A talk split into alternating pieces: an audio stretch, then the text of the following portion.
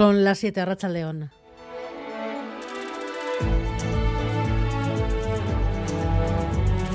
Gambara con Arancha García. Una semana después de anunciarse el lobby atlántico, Euskadi suma a Aquitania y Navarra la reclamación de que Europa cumpla sus compromisos de interconexión y a trabajar conjuntamente para no quedar fuera de los grandes proyectos. La Asamblea de la Euroregión se ha reunido esta tarde en Don Iván Egarasi, David Beramendi. Sí, la coincidencia es total. Nueva Aquitania, Euskadi y Navarra muestran su preocupación ante el retraso del tren de alta velocidad entre Burdeos y Endaya. La fachada atlántica corre el riesgo, dicen, de quedar descolgada. Por eso todos miran a París y se dirigen al presidente Macron. Le piden que cumpla con el compromiso de 2030, nada de 2040 y en caso contrario avisan, presionarán en Bruselas. En este punto y aprovechando la presidencia española de la UE, pedirán el reconocimiento de una macroregión atlántica, incluyendo a otras regiones españolas, portuguesas y francesas. Y tercera encuesta sociolingüística, el euskera se consolida entre la juventud, un 75% es euskaldun. En tres décadas, 660.000 nuevos euskaldunes. Fermín Alberdi. Tres cuartas partes de los jóvenes entre 16 y 24 años en Vizcaya, Guipúzcoa y Álava saben euskera. El estudio sociolingüístico de 2021 presentado este lunes muestra un salto en Euskadi hasta los 660.000 vascohablantes, 260.000 más que hace tres décadas. El consejero Bingen Zupiría destaca además la buena percepción que tienen en la sociedad las políticas para fomentar su utilización. El 74,7% de la población cree que para acceder a la administración habría que saber euskera y casi nueve de cada diez personas creen que todos los niños y niñas deberían aprender euskera.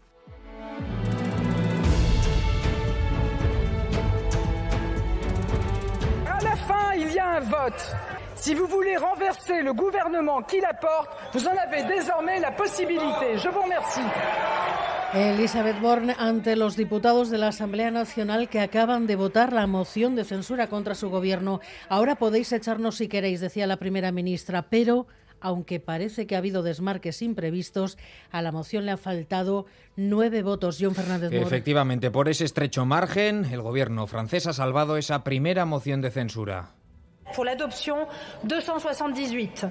De 278 votos a favor a solo 9 de los necesarios. Se trata del resultado de la moción presentada por el grupo centrista Liot, que ha contado con el apoyo de la izquierda, la extrema derecha y demás diputados que han votado en contra de órdenes de su partido. Es el caso de varios miembros del conservador, los republicanos. El debate ha estado centrado, entre otras cuestiones, en la legitimidad de la reforma de las pensiones al aprobarse por decreto. La oposición la considera ilegítima, mientras el gobierno asegura que se trata de un mecanismo totalmente democrático. El Ejecutivo ha salvado este primer punto de partido. Toca votar ahora la moción de censura de la extrema derecha con menos opciones de prosperar. Y sigue el nerviosismo por la situación de la banca tras el anuncio ayer del rescate de Credit Suisse y los mensajes de las autoridades monetarias. Los mercados han vivido hoy una nueva jornada de vaivenes. Al final, bolsas y bancos en Europa han, cerrado con ganancias. Rodrigo Manero. Sí, todas las bolsas europeas han cerrado con ganancias en torno al 1% tras empezar la jornada con fuertes pérdidas. Los inversores han reaccionado con muchas dudas a la forma en la que Suiza rescatará al Credit Suisse, que será comprado por su rival VS, pero las autoridades regulatorias europeas han lanzado un mensaje de confianza que ha surtido efecto. La presidenta del BCE ha insistido en que harán todo lo necesario para dar liquidez a la banca y de momento parece que se ha impuesto la calma. Y mientras la Unión Europea ha acordado enviar una nueva partida de munición a Ucrania, de momento más de un millón de proyectiles, Putin y el presidente chino han escenificado en Moscú la solidez de sus relaciones. Xi, que lleva su plan de paz para Ucrania, Moscú ha dicho que Rusia y China son socios que mantienen una cooperación estratégica y ni el 8 de marzo ni el 25 de noviembre. El Consejo Consultivo de Macunde ha descartado esas dos fechas para ser la primera festividad feminista del calendario laboral. Están manejando otras opciones. Hay una que podría conseguir el consenso. En esta gambara se lo desvelamos. En carreteras, precaución en un punto, la A636 en Anzuola, sentido Zumárraga. Un camión averiado está obstaculizando la calzada y el deporte, John Zubieta, Rachaldeón. Hola, Rachaldeón. Empezamos con fútbol porque, según ha adelantado ETV, José Luis Mendilíbar ha llegado a un acuerdo para hacerse cargo del Sevilla en lugar de Jorge Sampaoli y mañana mismo comenzará a entrenar con el equipo. Solo falta que se haga oficial. Además, el Eibar buscará a las 9 de esta noche los 62 puntos y reforzar su liderato en Andúba ante un Mirandés que se muestra solvente en su feudo. Además, el partido de vuelta de la Copa ante Osasuna crea pasión en Bilbao. Hoy se han puesto las localidades a la venta para el público en general y la respuesta ha sido extraordinaria. Y en ciclismo, hoy ha arrancado la Vuelta a Cataluña con Ken Pharma, Euskaltel Euskadi y Caja Rural. El triunfo ha correspondido a Roglic por delante de Benepul. ¿Quién será? ¿Quién será? ¿Quién será la felicidad? ¿Cómo será? ¿Y cómo será? ¿Cómo será la felicidad? Huele a tormenta de Bueno, pues hoy es el Día Mundial de la, de la Felicidad y la pregunta, pues, ¿qué es lo que nos hace felices? A veces nos lleva toda una vida a descubrirlo. Amaya Zabala.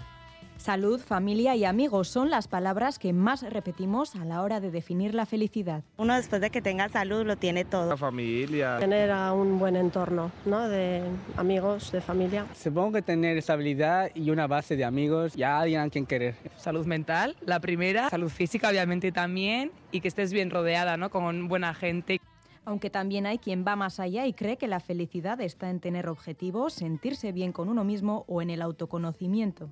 Autoconocimiento, conocerte a ti para saber qué es lo que te hace feliz. Estar bien con uno mismo. Aprender a estar conforme con, con, lo que tienes. Te tienes que conformar con lo que tienes. Conseguir como objetivos, poco a poco. Si no tienes objetivos en la vida, ¿qué es lo que te impulsa a seguir adelante?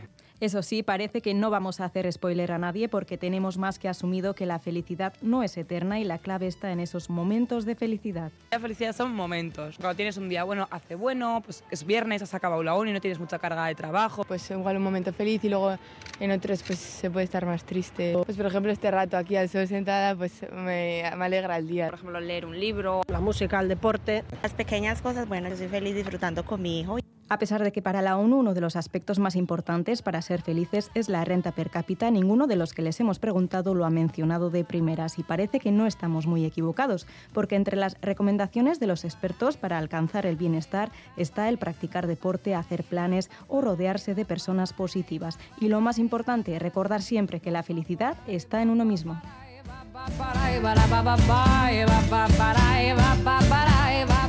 Aunque sea en pequeños momentos, en pequeñas dosis, que lo consigamos a veces, eso de ser felices. Maitana Ebujedo y Miguel Ortiz están en la dirección técnica, Cristina Vázquez en la producción.